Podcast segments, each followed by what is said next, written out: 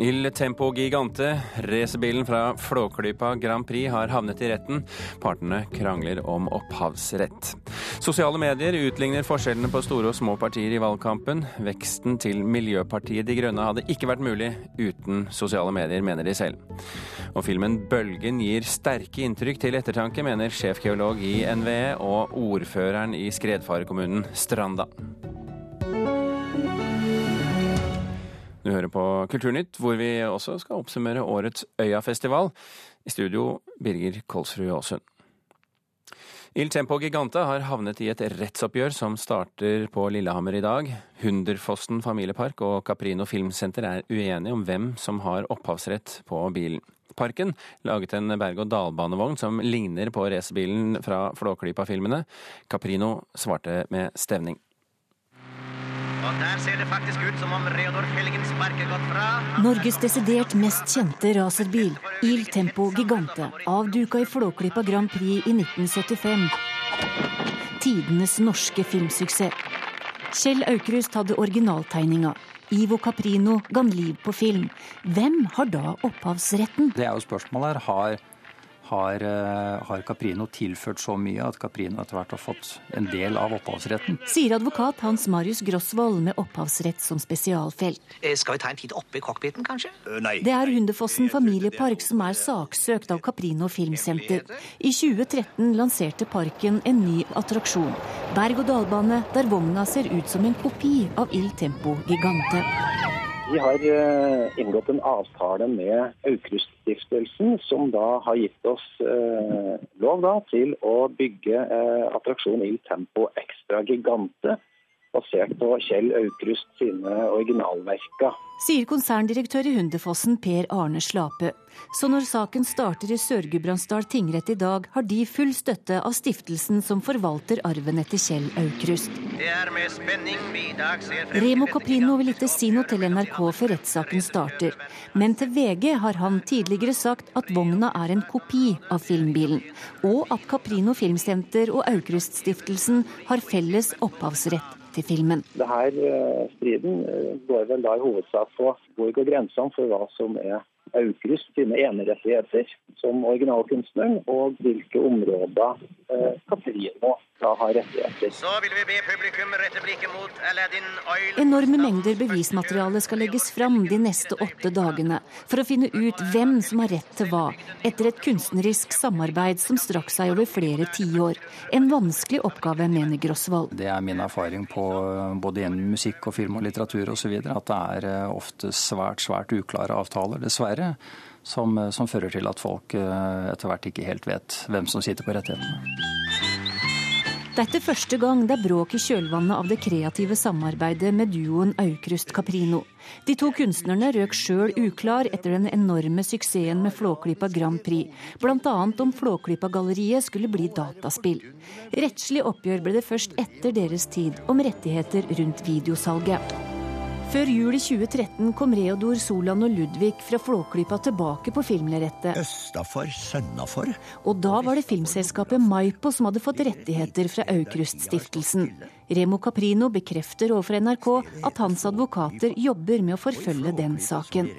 Konserndirektøren i Hundefossen ser derfor ikke bare negativt på at saken har havna i retten. Jeg har full respekt for at dette er en viktig sak, eh, og tror da det er beste for alle parter med at en finner da en eh, endelig avklaring på det her med rettens hjelp. Sånn som jeg ser det nå, så er vel dette her også kanskje en kandidat for, eh, for Høyesterett, fordi eh, den, den, handler om ganske sentrale ting når det gjelder et kreativt samarbeid og, og, og felles utvikling av, av åndsverk. Det sa advokat Hans Marius Grosvold, som har opphavsrett som spesialfelt. Reporter her, det var Torunn Myhre, og Aukrust-stiftelsen vil heller ikke kommentere saken før den skal opp i retten, utenom å si at de mener de har vært i sin fulle rett til å gi Hunderfossen lov til å lage sin nye attraksjon ut fra Aukrusts eh, egne tegninger. Kulturkommentator i NRK Agnes Moxnes, eh, hvorfor gjør egentlig Caprino-arvingene dette? Jeg tror ikke man kan se bort ifra at dette handler om eh, penger, og ganske mye penger også. Vi snakker om en av Norges absolutt mest berømte varemerker her. Og arven etter eh, gigantene Kjell Aukrust og Ivo Caprino. Eh, og når det gjelder Flåklypa Grand Prix, altså filmen, så delte jo Aukrust og, og Caprino på opphavsrettighetene. Men spørsmålet her er jo da hvem som har opphavsrettighetene til alt det som er blitt skapt i kjølvannet av denne voldsomme filmsuksessen. En film som vi hadde premiere for 40 år siden nå i slutten av august. De samarbeidet jo veldig tett, disse to. Eh, hvor vanskelig blir det å avgjøre om Caprino Eller hvor stor del Caprino har av opphavsretten på dette? Ja, det er jo en av utfordringene denne rettssaken står ovenfor nå. Da, fordi at Kjell Aukrust han skapte historien, han skapte skikkelsene. Han tegnet dem enda til ned til en minste, hver minste detalj. Deri også bilen? Deri også bilen. Det Ivo Caprino gjorde, er jo litt av det samme som Disney har gjort. Altså Han skaper og blåser liv i disse skikkelsene for lerretet.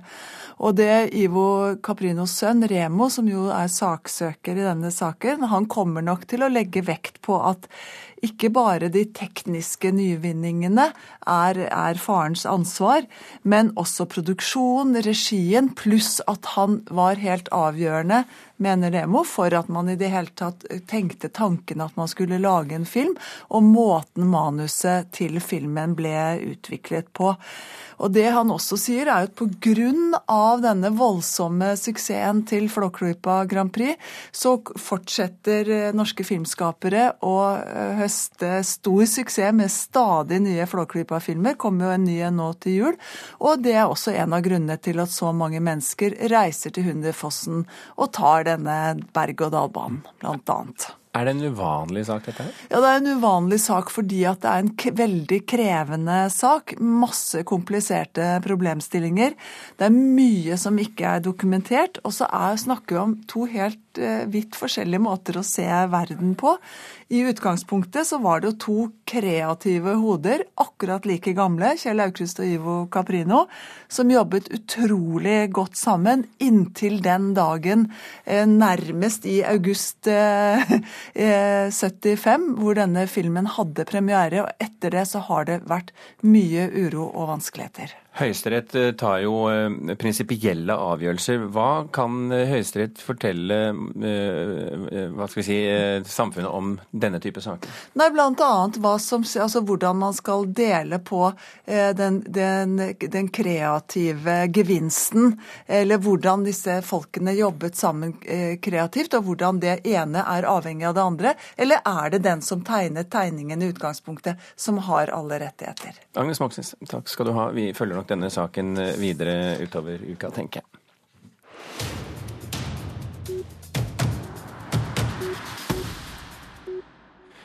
Sosiale medier har blitt uunnværlig for partiene i valgkampen. Det mener medieprofessor Gunn Enli ved Universitetet i Oslo. Stortingets minste parti, Miljøpartiet De Grønne, er langt fra minst på sosiale medier. De Grønne er nemlig det tredje største partiet på Facebook, men dominerer på Instagram sitter jeg, og her sitter Christian. Eh, og Børge er jo her og sjekker sannsynligvis Facebook akkurat nå. Eh, Anders jobber med Twitter akkurat nå. Det er hektisk på kontoret til Stortingets minste parti, Miljøpartiet De Grønne. Om en halvtime skal de ut og åpne valgkampen. Partiet har 42 000 følgere på Facebook og over 19 000 på Twitter. Til sammenligning har Stortingets største parti, Arbeiderpartiet, nærmere 82 000 følgere på Facebook og nesten 35 000 på Twitter. Men så er jo de også rimelig store. Det er klart sosiale medier er, er viktige for oss, fordi det, det, gjør det mulig for et veldig lite parti med ganske begrensede budsjetter å nå ut til et stort, til et stort publikum forteller digitalrådgiver i Miljøpartiet De Grønne Laurie McGregor. Sammen med åtte frivillige driver hun i disse dager valgkamp på Twitter, Facebook og Instagram. Det er de ikke alene om. Jeg er på Instagram. Jeg har egen politikerside på Facebook. Jeg har egen bruker på Facebook. Jeg er på Twitter. Jeg er på LO. Venstre-politiker i Stavanger, Anna Maria Giterres, kaller seg avhengig av sosiale medier. Jeg Oh my god, jeg, jeg er ikke på Snapchat ennå. Åh! Jeg må virkelig ta meg sammen. Hun mener det er viktig å vise hvem det er velgerne får når de stemmer på henne. Jeg vil bruke det for å vise til våre velgere at jeg er et menneske. Jeg vil egentlig at det skulle komme frem til dem at jeg ikke er noen strigla politiker, en politisk broiler men et, et, menneske i bunn og grunn med visse verdier. Og det er noe av poenget. De Grønne mener muligheten til å komme i kontakt med enda flere mennesker enn før er helt uvurderlig for et parti som deres. Vi har åpnet opp for alle mulige spørsmål digitalt, sånn at du slipper å reise. Du ikke trenger å ta en buss og så, eller kjøre i en halvtime for for å komme til et velgermøte til torget for å, for å, møte de som står på liste hos oss. Du kan rett og slett kontakte og ha en dialog eh, med den som du kommer til å stemme på online, og det, og det, det er veldig nyttig. Medieforsker Gunn Enli mener sosiale medier har blitt blitt uunngåelig i valgkampen, men tror ikke nødvendigvis det alltid er positivt. Vi får liksom eksperimentering av valgkamp. Og, og, jeg tror at man får både bedre og dårligere utfall av dette. Altså at uh, Noen ganger så blir det pinlige situasjoner. Andre ganger så får man kanskje en type kommunikasjon med velgerne som man ikke har sett før, og som er til det bedre. De Grønne ser på sosiale medier som utelukkende positivt for partiet. McGregors partikollega Christian Vea mener sosiale medier har vært avgjørende for Miljøpartiets vekst og oppmerksomhet de siste årene. Vi har ingenting å stille opp, mot, eh, stille opp med mot valgkampbudsjettene til de store partiene. Men, men det lille vi har, det vokser så voldsomt og eksponentielt når folk begynner å dele det og begynner å engasjere seg selv. Antagelig ville det ikke vært mulig for Miljøpartiet De Grønne å vokse sånn som vi har gjort uten sosiale medier. Reporter her, det var Runa Rød. Eh, Ida Aalen, medieviter og forfatter av boken 'Sosiale medier', som kommer i dag, eller kanskje i morgen. Velkommen til Kulturnytt. Takk skal du ha. Miljøpartiet ville ikke klart seg uten sosiale medier, sier de. Hva forteller det deg om sosiale medier i valgkampen? Altså For de etablerte partiene, de store partiene, de får jo uansett enkel eh, inngang til de redaksjonelle mediene. Mens eh, virkelig små partier, særlig som Miljøpartiet De Grønne, som pleide å ligge inne i den stolpen som het annet på valgkampmålingene, så har jo det vært avgjørende for i det hele tatt være noe som blir sett som et reelt alternativ da, i um, valgene. Og det hadde de nok ikke klart uten først å bygge seg opp en stor nok tilhengerskare i sosiale medier til at journalisten da begynte å tenke jøss, har vi fått et nytt parti? Ja, mm. kanskje vi må spørre dem også, da. Eh, og det er på en måte sosiale medier som kom først, da. Men samspillet mellom de redaksjonelle mediene og sosiale medier er jo kjempeviktig. Det at eh, dere lager en sak om Miljøpartiet De Grønne nå, f.eks. F.eks. Et, et av kapitlene i boken din handler jo nettopp om sosiale medier i valgkampen. Eh, hva skal til for partiene for å lykkes på den arenaen?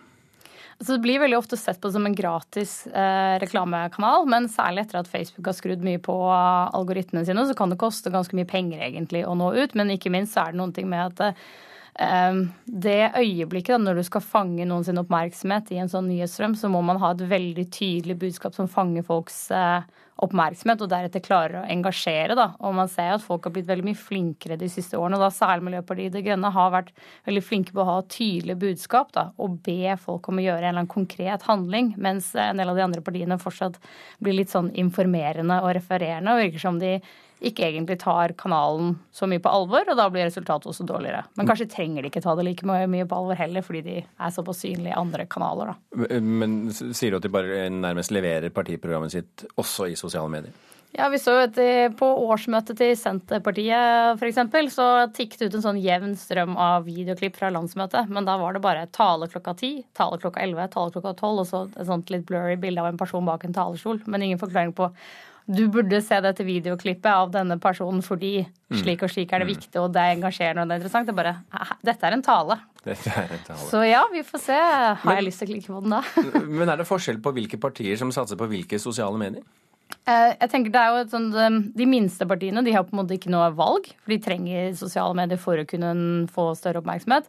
Og så har du jo de største partiene med de største valgkampbudsjettene. De kan også tillate seg De trenger ikke velge, da. De kan satse både på boardshow, på en måte på å stå på stand og også være på sosiale medier. Så det er liksom det mellomsjiktet av partier som, ikke, som når ganske bredt gjennom, men som fortsatt må prioritere kronene sine, som er minst synlige da, i sosiale medier. Denne boken er jo en slags eh, innføring i sosiale medier. Det handler om mobbing, identitet, eh, eh, psykisk helse, politikk og aktivisme, markedsføring og sånne ting. Ehm, men jeg bet meg merke i en ting du skriver, nemlig at for å forstå sosiale medier, så må vi forstå mennesker, ikke teknologi. Ja, det er jo noen ting med at når det hele tiden kommer nye sosiale medietjenester, så blir det veldig mye fokus på de, og det eh, jeg tenker at man må ikke glemme at sosiale medier hadde jo vært helt meningsløse hvis det ikke hadde vært noen folk som brukte dem. Det, jo, det, ville, det ville, jo bare vært et tomt skall. De ville vært innholdsløse, da. Og for å forstå dem så vil man ha mye mer varig forståelse av sosiale medier hvis man prøver å forstå folk da i møte med den teknologien. Fordi Facebook, Twitter, de endrer seg hele tiden. Folk, de forandrer seg litt langsommere. Ja, Ida Aalen, tusen hjertelig takk for at du kom til Kulturnytt. Klokken er 18,5 minutter over åtte. Du hører på Kulturnytt, og dette er toppsakene i Nyhetsmorgen nå. Én av tre foreldre er bekymret for å slippe barna ut på skoleveien. Foreldre som råkjører for å rekke jobb og skole, skaper farlige situasjoner rundt barneskolene her i landet, sier Trygg Trafikk. Lærerne er blitt lønnstaperne, og staten må ta tilbake ansvaret for lønnsforhandlingene fra kommunene, mener Ap-nestleder Trond Giske. KS syns det er et svært dårlig forslag. Og det indonesiske innenriksflyet som forsvant i går med 54 personer om bord, skal være funnet, men letemannskaper har ennå ikke kommet, fra, eh, kommet frem til vraket. Sjefgeologen for fjellskred i Norsk vassdrags- og energidirektorat syns filmen 'Bølgen' er en sterk filmopplevelse.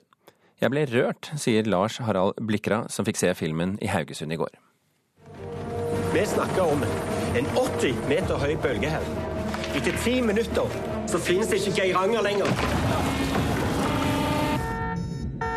Det gir jo et sterkt inntrykk, da, filmen. Den blir påminnet egentlig om alvoret vi sitter med, vi som har ansvar for overvåkinga. Så, så en, for meg så var det en eh, sterk film.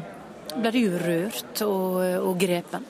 Ja, jeg gjorde faktisk det. Og, og spesielt pga. at det påminner oss om alvoret i, i et sånt scenario og den jobben som jeg har ansvar for. Også ordføreren i Stranda kommune, hvor den reelle skred- og flodbølgefaren er henta fra, synes filmen ga sterke inntrykk. Sjøl om det er en fiksjonsfilm, skildrer den også en virkelig trussel, sier Jan Ove Tryggestad. Eh, nå er det fiksjon, og det må vi huske på. Det er en fiksjon. Men samtidig så vet vi som bor langsmed fjorden at, at ras, både stein og snø, det vil prege oss, og har preget oss historisk. Slik at vi skal ikke bagatellisere eh, denne filmen sitt eh, innhold, men tvert imot peke peker på at dette er noe vi må leve med. og Da må vi ta de forholdsregler som, eh, som jeg håper vi skal gjøre i framtida, nemlig å bygge et veldig godt eh, apparat rundt beredskap og, og sikkerhet. Filmen er ikke for alle, mener ordføreren. Han vil advare folk i Geiranger som ikke er spesielt glad i katastrofefilmsjangeren, mot å se bølgen. Det som jeg kan si, er at filmen er så sterk at hvis du ikke er sans for den type film, så skal du tenke deg om to ganger. Det er en sterk historie, og det er voldsomme effekter. Men eh, liker en den type filmer, så for all del, dette er en film som er virkelig verdt å se. Det der er ikke din jobb lenger. Det har stått sånn i tusenvis av år, det står sikkert i tusen til. Hovedrolleinnehaverne Kristoffer Joner og Ane Dahl Torp håper filmen skremmer lokalbefolkninga, men ikke fra å bo der. Man håper jo at skal bli, publikum skal bli litt redd. Det er ikke vits å lage. Altså, man må jo føle noe i en film. Det skal være drama, det skal være sånn. Eh, om at folk skal være redde for å bo der, er en annen sak. Det, hvis de har snakket om det, og de har fått den informasjonen jeg har, så altså, jeg hadde ikke hatt noe problem med å bo der, for å si det sånn. Jeg eh, regner med at det er mange som eh, kjenner stor spenning og kanskje redsel eh, underveis, og som holder pusten underveis, men jeg tror alle skjønner at dette er en fiksjonsfilm. Reportere her var Torkil Thorsvik og Synnøve Hole. Filmkritiker her i P2 Einar Gullvåg Staalesen, er du like rørt som NVE? Jeg er imponert. Jeg syns det er en fantastisk godt gjennomført sjangerfilm. Men det er klart at når det er sjangerfilm med sine konvensjoner og sine regler, så får vi litt avstand til eh, menneskenes opplevelse av dette. her. Dette er en handlingsfilm. Det dreier seg om det fysiske, det dreier seg om raset, om bølgen. Om eh, kampen for å, å redde seg eh, i randsonen. Altså, vannet går jo 80 meter opp i fjellsiden. Og det er usedvanlig godt spilt, godt gjennomført filmatisk, men altså som sjangerfilm og som fiksjon, og veldig tydelig fiksjon. Det er veldig mange situasjoner som er gjenkjenner fra eh, en rekke andre katastrofefilmer, uansett art av katastrofe. Så, så det avgjørende spørsmålet, Einar, blir jo er det blitt en spennende film? Vi vet jo at fjellet skal falle, vi vet at bølgen kommer, så sånn sett så er jo ikke det spennende. Men det er partier som er veldig spennende laget, eh, bl.a. der geologene klatrer ned i, i kløften mellom eh, den løse fjellsiden og, og, den faste. Der er det eh, måleinstrumenter i massevis som nå viser et avvik som de ikke skjønner noe særlig av. Så de går ned for å sjekke hva, hva, som har forårsaket disse endringene på instrumentene. I fare for å bli klemt? I fare for å bli klemt, i fare for det aller meste, å, å gå raset mens de er der. Vel, jeg skal ikke si noe om hvordan dette skjer og i hvilken rekkefølge, men det er veldig, veldig dramatisk lagede scener. Vi må snakke litt om skuespillerprestasjonene også, Einar. Eh, det er to profilerte skuespillere i hovedrollene her. Hvordan klarer de seg? De klarer seg veldig godt, begge de to. Og de, de klarer seg godt, de andre også. Laila Goody, ikke minst, som også uh, spiller ansatt på denne skredstasjonen, altså overvåkningssentralen. Uh, det er godt gjennomført, veldig godt spill. Det er et særdeles krevende fysisk spill. Kristoffer Joner med alle sine fobier har hatt eh, privat uh, idrett, uh, tre, trener, altså idrettstrener. Han har uh, Han måtte lært å dykke under vann i, uten luft i mange minutter? Ja, eh, han dykker, han løper, han eh, er på kanten av stupet. Han eh, utsetter seg for det meste, og han kjører ekstremt fort med bil. Det har han ikke orket tidligere. Men det er altså et, et, et veldig gjennomført prosjekt, dette her. Men som sjangerfilm. Mm. Og med de begrensningene som ligger der, den lille distansen som ligger der. Jeg skal be om et kort svar på neste spørsmål, Einar. Eh, det norske kinoåret har jo til nå vært begredelig, må man kunne si. Er dette filmen som skal redde bransjen inneværende år? Det er filmen som trekker den delen av eh, kinopublikummet som går ofte på kino. Det er ikke sikkert at den vil trekke de der store mengdene som sitter og tenker seg eh, grundig om før eh, de går på kino, og som opplever at filmen er tatt av når de bestemmer seg. Dette er en, eh, en, en film innen, innenfor den dramatiske sjangeren som alltid har trukket mye folk når det er godt laget. Einar, jeg beklager. Jeg er nødt til, ja, jeg er nødt til å, vi har en, en, ting til. Vi skal nemlig fra deg i Haugesund eh, og til Øya. Tusen hjertelig takk, Einar, for at du var med oss på Morgenkvisten. Øya! Skal vi danse? Okidok. Få se dere. Ja, dette er uh, Sondre Lerche fra en av de mange konsertene under uh, årets Øyafestival. Og musikksjef i P3, Mats Borch Bugge. Det går rykter om en forrykende morsom konsert fra Lerche? Ja da, han uh, leverte stødig, han altså, med Eller uten gitar denne gangen, som gjorde han mye friere og Det var lekent på alle mulige måter, og han klarte også å fenge store deler av publikum den kvelden på onsdag, så det var morsomt. Har det vært en, en, en konsert som var Hva skal vi kalle det? Eh, sånn som eh, konsertene var på øya i år, eller har det vært mye kvalitetsforskjeller? Det har vært store eh, kvalitetsforskjeller og stor, stort skille i energi på de ulike festivalene, eller konsertene. Jeg mener vel sånn overordna at øya preges av et kjedelig program i år. Som tidvis speiles også i publikum. Det er konserter som er sånn eh, helt OK. Kjedelig publikum også, mener du? Eh, ja, men altså det er jo et blasert publikum som ofte er på Øyafestivalen, og det er kanskje på de eh, seneste festivalene, nei, konsertene igjen, man opplever at publikum på en måte mm, slipper seg fri og, og tør å være seg selv. Da, ja, Litt utpå kvelden, mener du? Ja, jeg tenker det. At festivalen bærer litt preg av å programmere noen av de konsertene som krever litt energi i publikum publikum tidlig på dagen, som gjør at det oppleves litt tamt. Det gjelder kanskje spesielt konserter som eh, altså hiphop-konsertene, som Run the Jewel, som leverte en fantastisk bra konsert, men hvor man kunne hatt et publikum som var i fullstendig kok dersom det var plassert f.eks. innendørs i dette sirkusteltet deres, og da senere på kvelden. Har det vært et trekk ved årets Øyafestival som, som hva skal vi kalle ja, skal vi gå så langt som å si at det er kritikkverdig? Altså, Det finnes jo mange um, ulike forklaringsmodeller for uh, uh, programmering av konserter og booking. Uh, for å ta det siste først. Bookingen har åpenbart vært vanskelig i år.